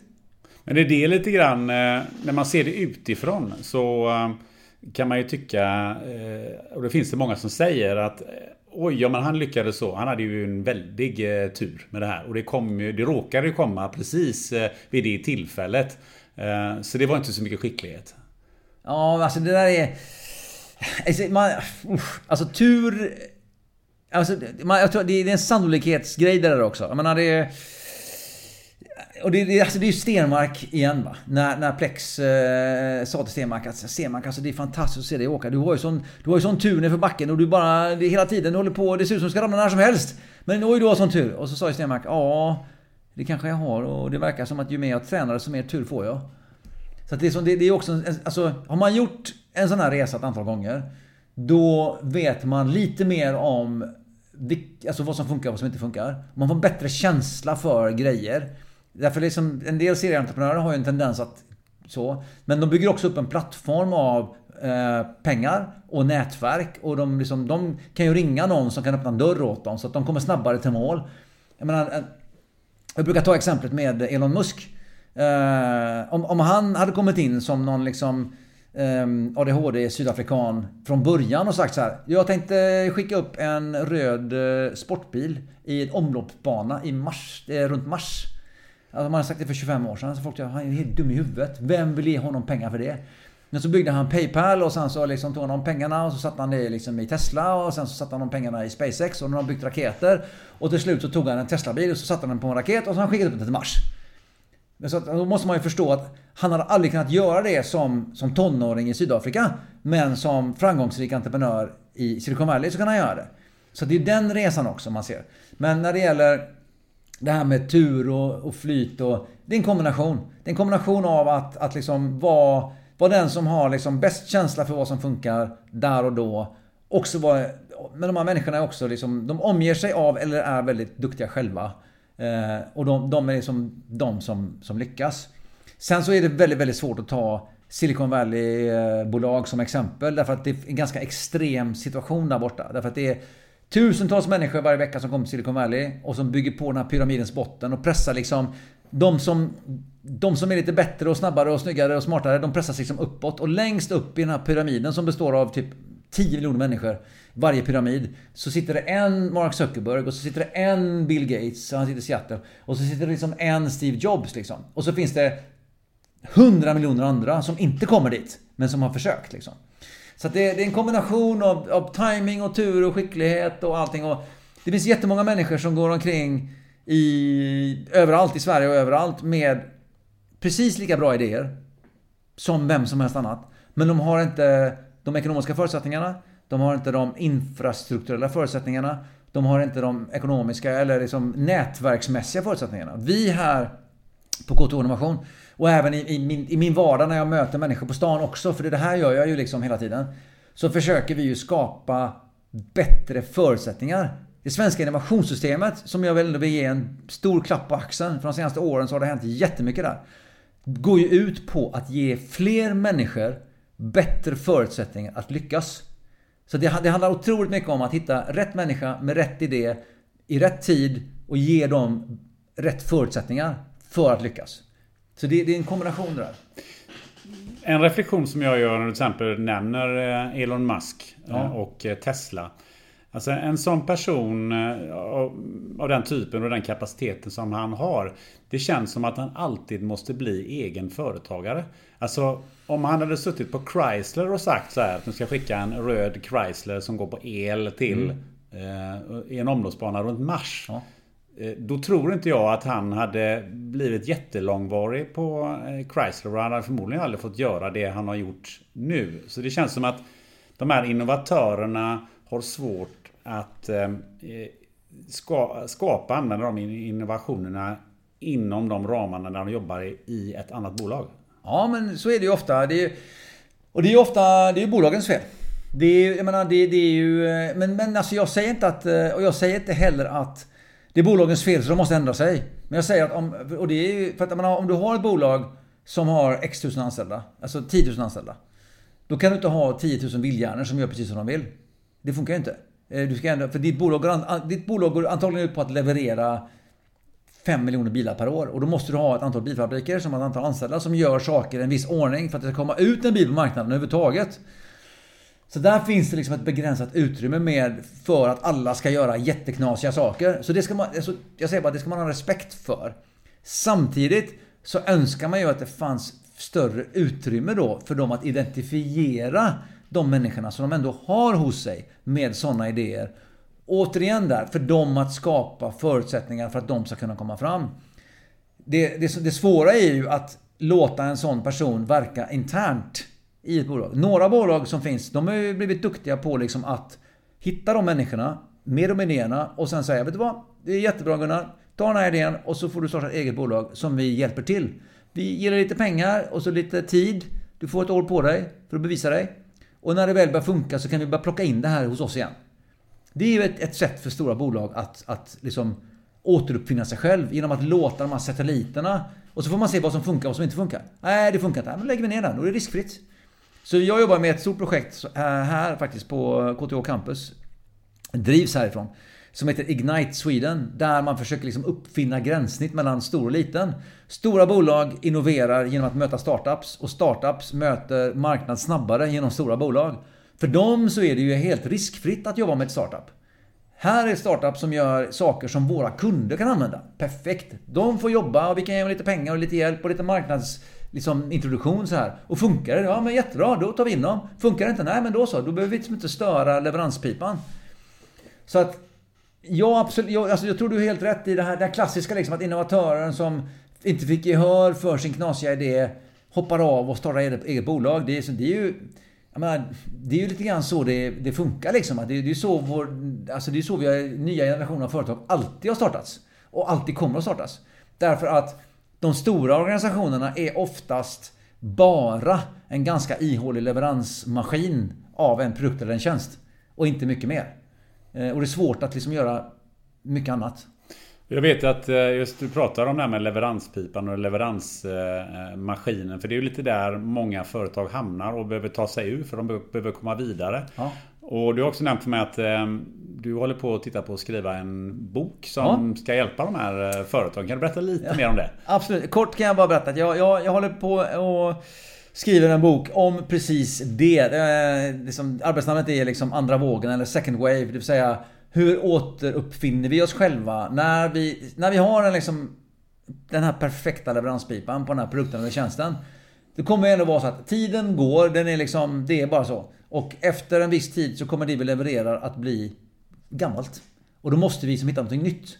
Och vi, det, man kan inte bara, alltså med liksom små förbättringar och puts för evigt liksom. Någon gång kommer det komma ett paradigmskifte. Ett teknikskifte. Och hur förbereder vi oss? Eller hur är vi med på det? Eller till och med leder det? Den här andra vågens, andra generationens innovation. Och det är det jag har tittat på jättelänge och jobbar med och håller på att skriva om också. Och förhoppningsvis kunna inte bara prata om att. För det är så himla enkelt att säga Ja, så ska ni Ska ni skifta teknik här i teknikskiftet och så ska ni paradigmskifta och bli nya. Ja, ja, men hur gör vi det liksom? När gör vi det? Hur gör vi det? Vad kan man göra för att... Så. Så jag håller på att skriva en bok om precis det och kommer att liksom belysa två, tre, fyra enkla metoder för hur ett stort företag kan ta sig an det här skiftet på ett, eh, ett, ett, mindre smärtsamt sätt än att liksom nästan stå för döden och sen försöka liksom vända ut och in på sig, vilket händer allt för ofta. Du nämnde just att eh, du har varit i Silicon Valley och du har varit där eh, under ett år och jobbat med någonting som heter Nordic Innovation ja. House. Ehm, och jag funderar lite grann på dels eh, vad kan vi här i Sverige dra för nytta utav det du har startat där och Eh, hur kan man överhuvudtaget dra nytta av att åka till Silicon Valley? För att jag kan tänka mig att ehm, innovationsmiljön och idémiljön är ganska annorlunda än vad den är i, i Sverige. Mm. Nej men alltså det, jag tror att de stora nyttorna är att eh, först och främst så är Silicon Valley inte eh, bara USA. Eh, absolut, jag menar de som lyckas i Silicon Valley lyckas ju då i USA såklart eftersom det ligger i USA. Och eh, skalar otroligt snabbt. Så siffrorna där borta är ju oftast mångdubbelt de som vi har här. Så bara att komma dit och förstå storleksskillnaden. Alltså jag, jag, vi tar ju ett antal eh, potentiella bolag härifrån KTH Innovation och så åker vi över var, varje år i ett, ett, program som vi har där man kommer över en vecka och får liksom besöka och gå på inspirationsföreläsningar eh, och även workshops och nätverka. Bara för att de ska förstå skillnaden i storlek och snabbhet. Därför det, i Sverige har vi en tendens att bygga fast oss i en för liten kontext. Alltså kostymen blir för liten. Och sen så bygger vi någonting här och sen ska vi internationalisera och då är det ett stor, en stor tröskel att, ja men okej, oj då, då måste vi, hur gör vi det här nu då? Så att man kan tänka liksom från början lite mer, lite större och globalt. Det är lite som du sagt, think big or go home har, har jag ja, men, ja, men lite grann så. Det, det, och det är också en sån här grej, man, när, man, när man kommer dit så inser man också liksom att Eh, världen är så himla mycket större än Sverige och eh, om man ändå då ska, i, om man ska använda ordet misslyckas, om, om det ändå ska gå åt helsike, då kan det väl lika gärna gå åt helsike i att man i ett försök att bli global, än att liksom bara lyckas i, i Karlstad. Eller var man nu bor. Liksom. Alltså om man, ändå ska, om man ändå ska lägga ner varenda jäkla vaken timme. Helg och kväll och semester, vilket man gör alltså med, med startup. Det är det man gör liksom. Det går otroligt mycket tid och man, man får säga åt sina nära och kära att du vet, häng snälla. Jag vet, jag kommer att vara skitjobbig de kommande tre åren. För det tar tre till sju år att bygga startup. Inte en helg. Uh, så jag kommer att vara skitjobbig. Men, men snälla, snälla, snälla, ge mig den här chansen. Och, häng, och du vet, skilj dig inte. Vad är det första du gör. Då kan man lika gärna ha försökt ordentligt. Än att bara liksom, du vet, det lilla. Kan jag tycka. Men i alla fall. Men det intressanta med att åka till Silicon Valley, det är också att hela världen åker dit. Fortfarande. Vilket gör att man möter hela världen där, på den platsen. Man möter alla länder. Det är också ganska, kan vara en kalldusch för många svenska entreprenörer som kommer dit och så inser de att okej, okay, nu träffade jag precis tio andra människor från tio andra länder som gör exakt samma sak som jag gör. Och de har mer pengar än vad jag har och fler kunder än vad jag har också. Jäklar! Hur ska vi bli unika nu då? Liksom. Eh, och så får man jobba liksom med sin, sin, liksom, sin USP och, och hela den biten. Så att det finns en sån grej. Men så finns det en hel del kulturella skillnader som jag tycker ändå är spännande. Och det är det här med eh, exempelvis med det här med, eh, du var inne på det förut, det här med istället för att möta en idé med att säga Ja men eh, hur, ska du, hur tänkte du nu och tänk om det inte... Och det vill säga, man möter en idé med att säga Tänk om det här inte funkar. Eller tänk om det blir så här. Eller tänk om inte de sa... Istället om man möter idén och säger... Man möter varje ny idé med tanken att ja men tänk om det här funkar. Hur skulle det se ut då? Tänk om det här funkade.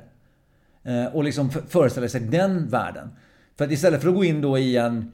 Den, för, den första liksom, tänk om det inte funkar, det blir liksom en, en riskminimeringsprocess. Och det andra blir ju liksom en möjlighetsmaximeringsprocess.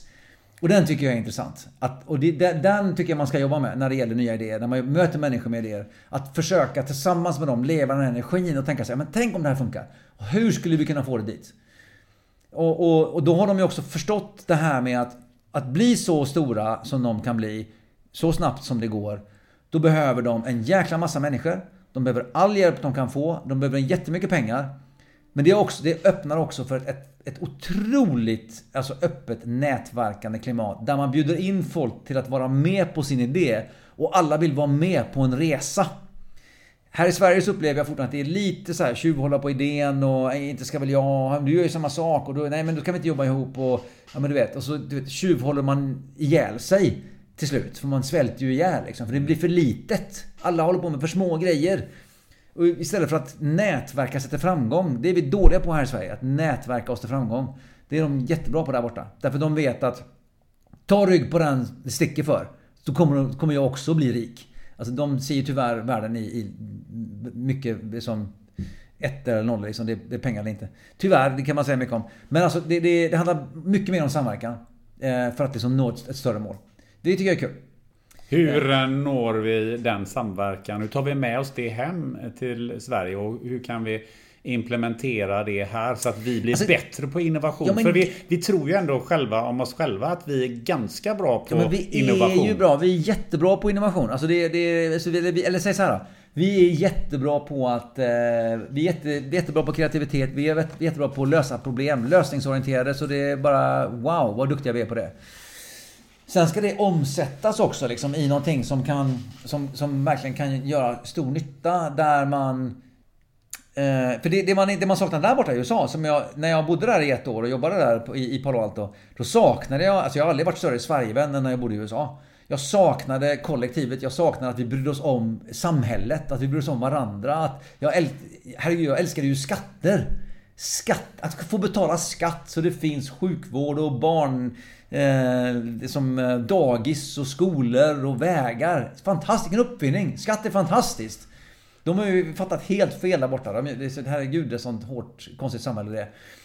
Jag kan bara flika in där. Jag lyssnade på en annan eh, podd där det var en, eh, en kille som eh, sa han kom från Libanon. Han sa så här att eh, Sverige är världens bästa entreprenörsland. För här har vi en social, ett socialt skyddsnät ja. som gör att vi kan faktiskt våga göra någonting. Ja men absolut. Och det, menar, så, så att jag vill, jag vill, liksom, jag vill vända lite grann på det du, frågan du ställde där med hur kan vi göra så här. Vi har alla förutsättningar. Vi har en, vi har, alltså, om man tittar på vad som skapar ett, en innovativ organisation. Det finns en, en, eh, en professor emeritus, en av, Sverige, en av världens mest eh, erkända forskare inom kreativitet och innovation. Vad skapar innovativa organisationer? Då är det sådana grundläggande saker som eh, en upplevd trygghet, en egen frihet, en jämlikhet, en nyfikenhet. Alltså sådana här saker som... Och jag upplever att Sverige som samhälle har lagt en grund för en, en grundtrygghet. Det finns en jämlikhet.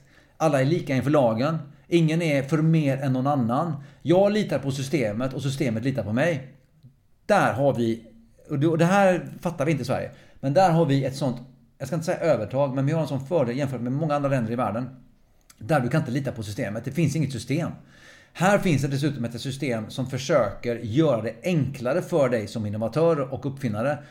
Faktiskt. De försöker skapa bättre förutsättningar för att alla ska kunna lyckas.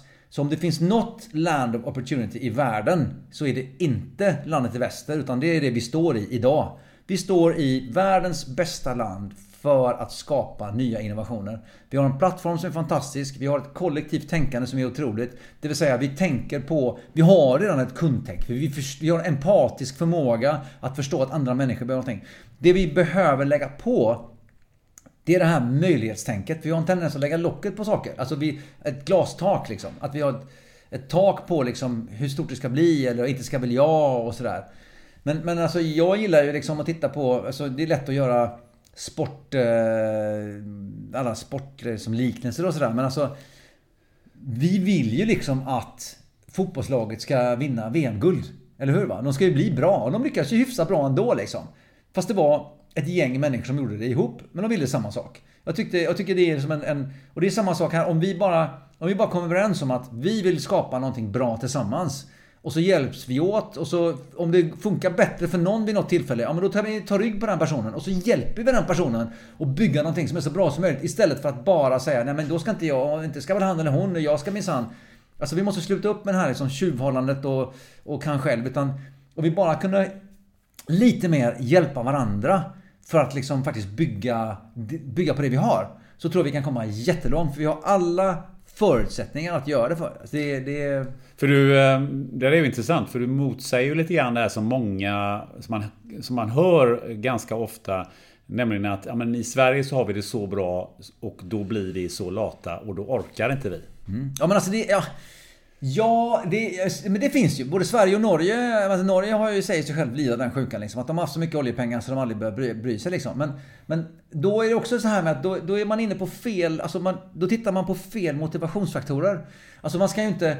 Man kan säga så här, Åh, i Sverige har vi problem. Tänk dig Uganda. Om man inte startar eget där så dör man. Ja, men alltså, det är ju en korkad jämförelse. Då, liksom, det är en hemsk miljö att Alltså, om, om, mitt alternativ är att starta eget eller dö, det, det är ju inget roligt alternativ. Liksom. Alltså, det är en hemskt dålig jämförelse som haltar.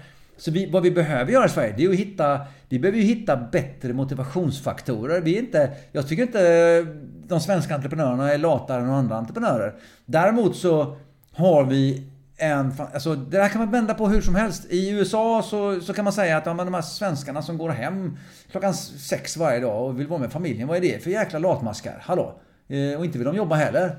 Medan vi tycker att, men vadå, det är väl bra med lite balans. Va? Vi jobbar lite, vi har lite familj, lite fritid. Det är som balans i livspusslet. Som inte de har överhuvudtaget. Eh, och jobbar typ ihjäl sig som japanerna gör. Så att menar, vi har ju alla förutsättningar. Vi har en fantastisk idé om balans i livet. Det vi behöver det är ju att hitta rätt, återigen, nu tillbaks till det vi började prata om. Rätt motivationsfaktorer för nästa generations företagare. Jag säger inte bara entreprenörer, utan företagare och människor överhuvudtaget. Och det handlar inte om att ja, det är bara de unga. Utan det handlar om alla. Jag är rätt trött på det här liksom skeva åldersfixeringen vid unga entreprenörer. Ja, men alla entreprenörer. Min farsa startade sitt sista företag när han var 63 bast och så hade han det i 10 år. Ja men vadå liksom? Det finns alla där ute, alla 50-plussare som har erfarenhet. Mm. Men herregud, rock'n'roll, de är ju perfekt. Det vore det bästa entreprenören någonsin tycker man. För de kan ju någonting i alla fall. Så att det finns liksom en... Det finns jättemycket liksom att, att jobba med här i Sverige. Vi behöver, vi behöver jobba med vår åldersfixering. Att vi tror att det bara är unga människor som kan någonting eller göra såna här grejer. Eh, vi behöver jobba med jämlikheten när det gäller att, att hjälpas åt. Och då menar jag inte jämlikhet mellan kön. Jag menar jämlikhet mellan de som det går bra för, och de som kanske inte då. Utan att hjälpas åt och nätverka den grejen. Och det finns, men sagt, vi har alla grundförutsättningar. Jag tycker att det, det, det finns så otroligt mycket bra grejer att göra. Och jag är fortfarande fast övertygad om att i, i den globala konkurrensen. För det är också såna här grejer att, ja ah, men oj nu håller Kina på att springa om oss eller hur ska det gå i framtiden och sådär. Och, och det, det, är inte det. Och många säger så här att, ja men vi har inte blivit mer innovativa eh, än vi var förut. Det är bara att nu, och nu har ju resten av världen kommit ikapp liksom. Och vi är inte så här, men jag tror att Sverige har en, en, en otroligt stark möjlighet att bli liksom en innovationsmotor en, en, en, ett epicentrum i världen där det händer. Vi kan bli ett Silicon Valley i miniatyr, om man säger så då. Dit folk kommer, för här händer det. För här omsätter vi idéer till praktiskt faktiska saker som sen kan liksom köras igång globalt. Vi har massa vi har liksom en homogent utbildad befolkning, vi har en bra teknisk penetration, vi har ett jämlikt samhälle. Alltså det finns otroligt många förutsättningar i Sverige för att skapa fantastiska grejer. Du nämnde ju här, eh, apropå internationellt och eh, eh jämförelse med olika länder. Du nämnde ju ett land som Uganda. Eh, och det finns ju många länder där det finns många eh, potentiellt, eh, potentiella entreprenörer. Ja. Och jag vet ju att du har startat någonting som heter Entrepreneurs Without Border. Ja. Vad är det för någonting? Uh, först vill jag bara be om ursäkt till både publiken och till Uganda. Det var inte alls meningen att använda det som ett dåligt exempel. Det var, det var, det var, det var liksom klumpigt. Det var, så ingen, ingen, uh, ingen, inget illa ment där. Jag vill bara ha det sagt. Um, Entreprenörer utan gränser startades egentligen som en, en eh, liknelse till Läkare utan gränser. Det startades när jag var i Indien och reste runt och träffade en ingenjör som kom fram till mig och sa att jag har hittat på en grej som jag säljer till ett sjukhus. Jag skulle vilja ha din hjälp med att liksom skala upp det till någonting som kan komma fler till nytta.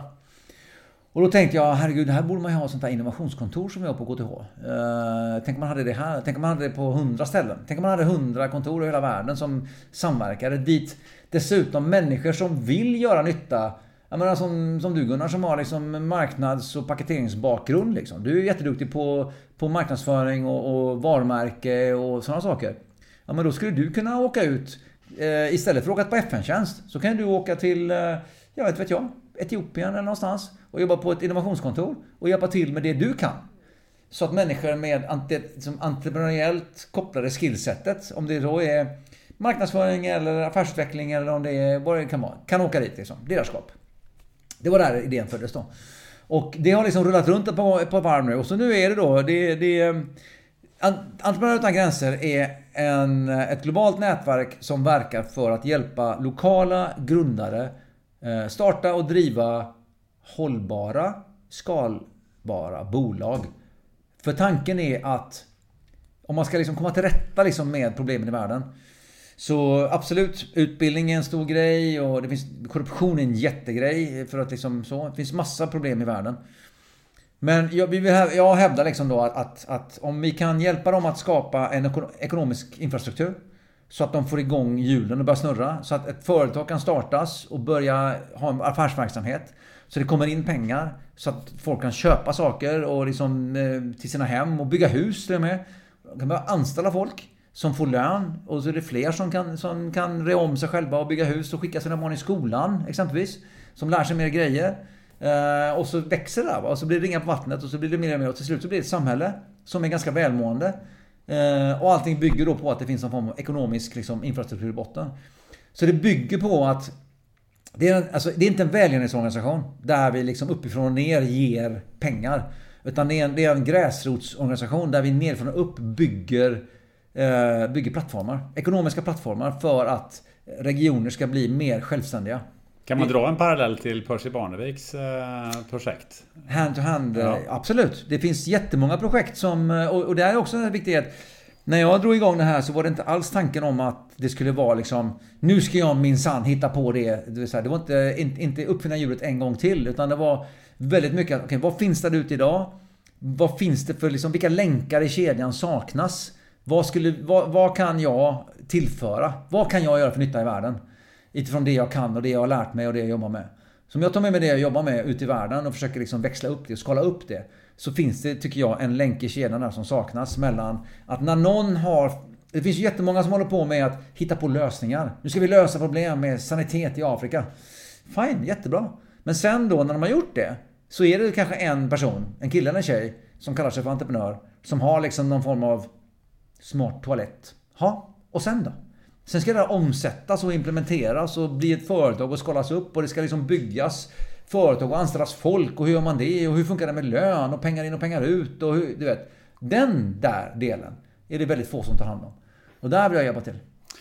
Jätteintressant. Om vi tar oss tillbaka till, till Sverige. Vi ska eh, avrunda den här eh, podden. Men jag tycker det är intressant eh, den här internationella jämförelsen och, och med Entrepreneur Without Borders. I Sverige har vi ju fått en, en betydligt mer mångfacetterad befolkning och väldigt många kommer ju faktiskt från de länderna som du pratar om nu, eller den, den, den typen av länder.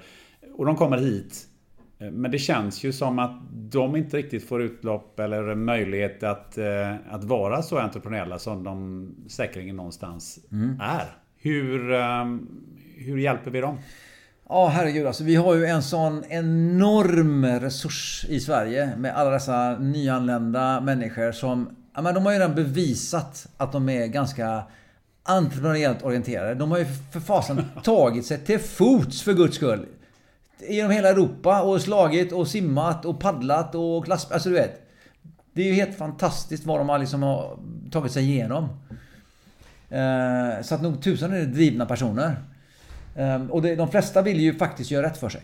Jag sitter ju bland annat i en jury för någonting som heter Årets Nybyggare. Där man varje år tittar på eh, människor som har kommit hit. Första generationens invandrare. Som jag också är faktiskt, inser jag nu. Och jag också. Ja, se där ja. Och som har liksom byggt någonting. Eh, som, och det, det, det är fantastiska stories. För de här människorna är...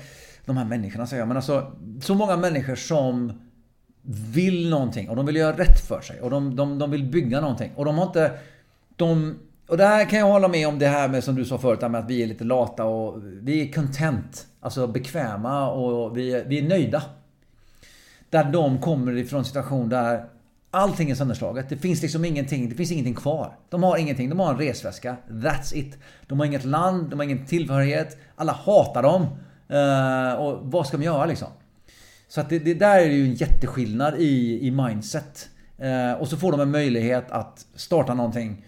Så, och jag tycker att där, om vi... Som jag säger med motivationsfaktorer, där behöver man ju inte jobba med så mycket motivationsfaktorer. Men att kunna ge fler förutsättningar till att faktiskt komma in på både arbetsmarknaden men också att ge dem förutsättningar att starta och driva och, så. Det tycker jag det är, det är en outnyttjad resurs, tycker jag.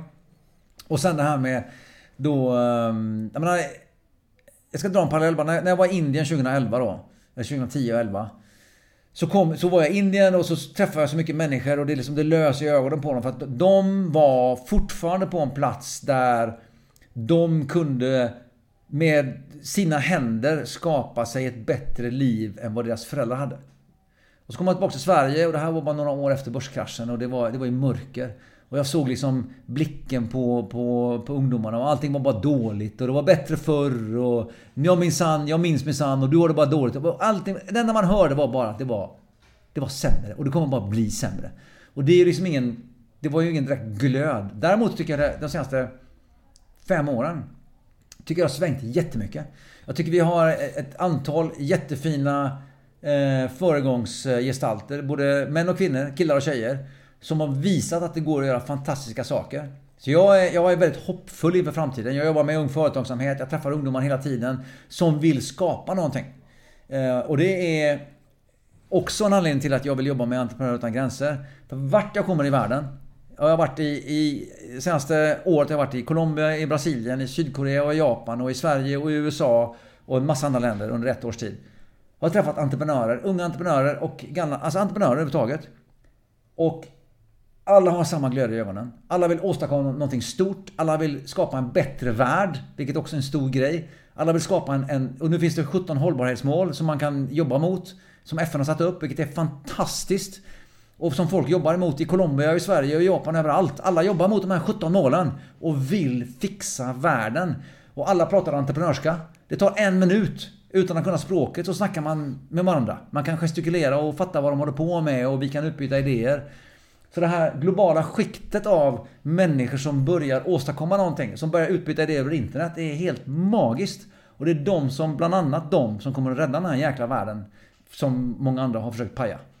Fantastiskt eh, Donny. Eh, I, vid något tillfälle har jag hört dig säga så här att allting löser sig bara du är en bra person. Ja. Är det egentligen bottom line i att eh, är du en bra person, ja men då kommer det gå bra på ett eller annat sätt.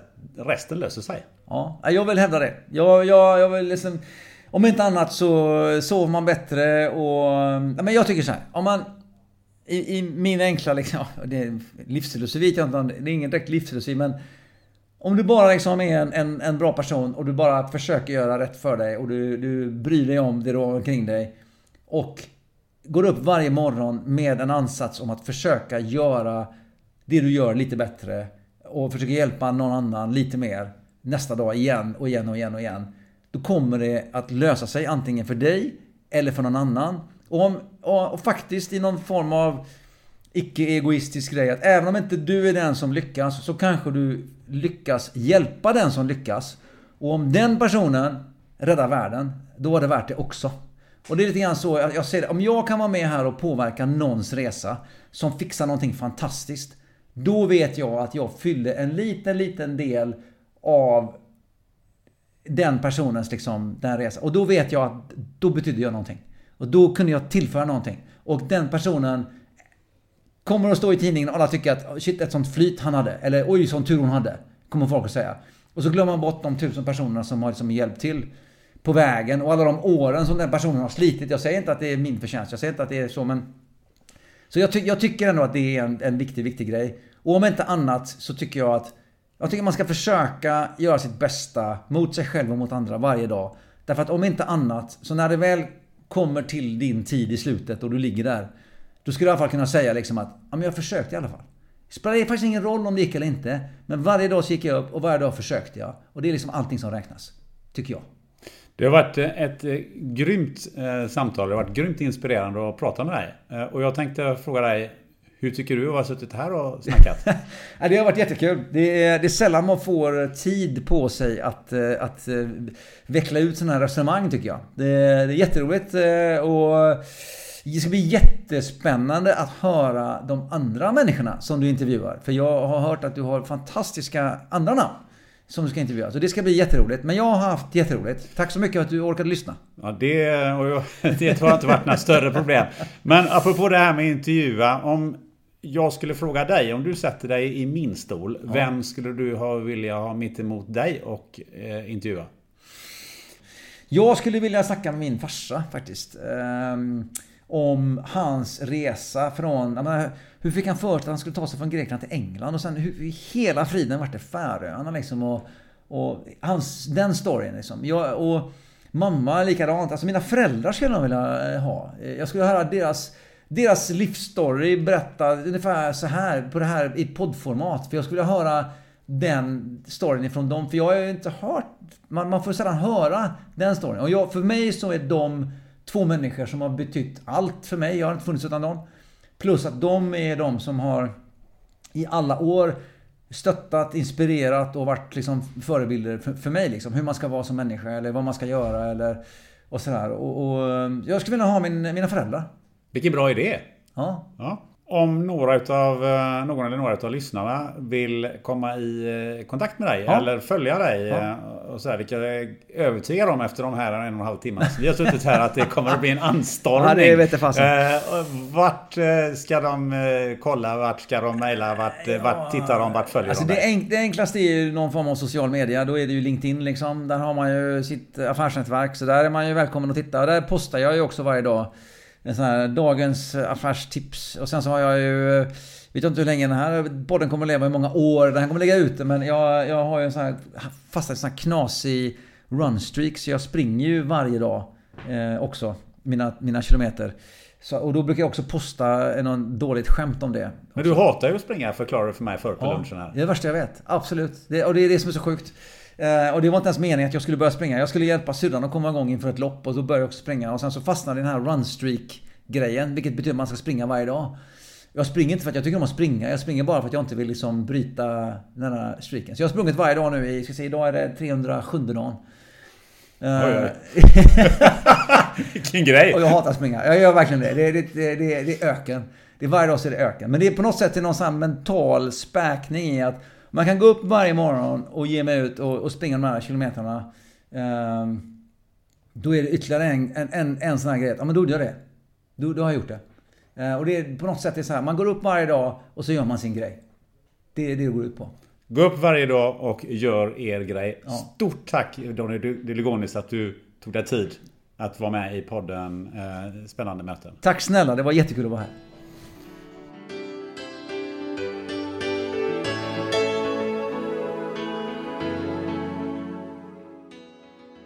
Spännande möten finns på Facebook. På Instagram heter vi Spännande moten. Och på LinkedIn och Twitter så söker du helt enkelt på mig, Gunnar Österreich. Och du, betygsätt gärna podden i iTunes också. I nästa avsnitt, som kommer på självaste Lucia-dagen, då låter det bland annat så här. Vi har fem in och utgående järnvägar till eh, Göteborg och två av dem håller i princip museistandard. Sen håller jag med om, det har dykt upp väldigt mycket tunnelexperter på senare tid och även lerexperter. Johan Trové kommer till podden och vi kommer att prata om hur Göteborg ska bli en miljonstad, varför man behöver Västlänken och att gubbar över 60 älskar att köra bil. Vi ses och hörs då. Ha det gött och var rädda om varandra. Have catch yourself eating the same flavorless dinner three days in a row? Dreaming of something better? Well, hello fresh is your guilt free dream come true baby. It's me, Gigi Palmer. Let's wake up those taste buds with hot juicy pecan crusted chicken or garlic butter shrimp scampi. Mm. Hello Fresh. Stop dreaming of all the delicious possibilities and dig in at HelloFresh.com. Let's get this dinner party started. Hi, I'm Daniel, founder of Pretty Litter. Did you know cats tend to hide symptoms of sickness and pain? I learned this the hard way after losing my cat, Gingy. So I created Pretty Litter, a health monitoring litter that helps detect early signs of illness by changing colors, saving you money and potentially your cat's life. Pretty Litter is veterinarian developed, and it's the easiest way to keep tabs on your fur baby's health right at home. Go to prettylitter.com and use code ACAST for 20% off your first order and a free cat toy. Terms and conditions apply. See site for details.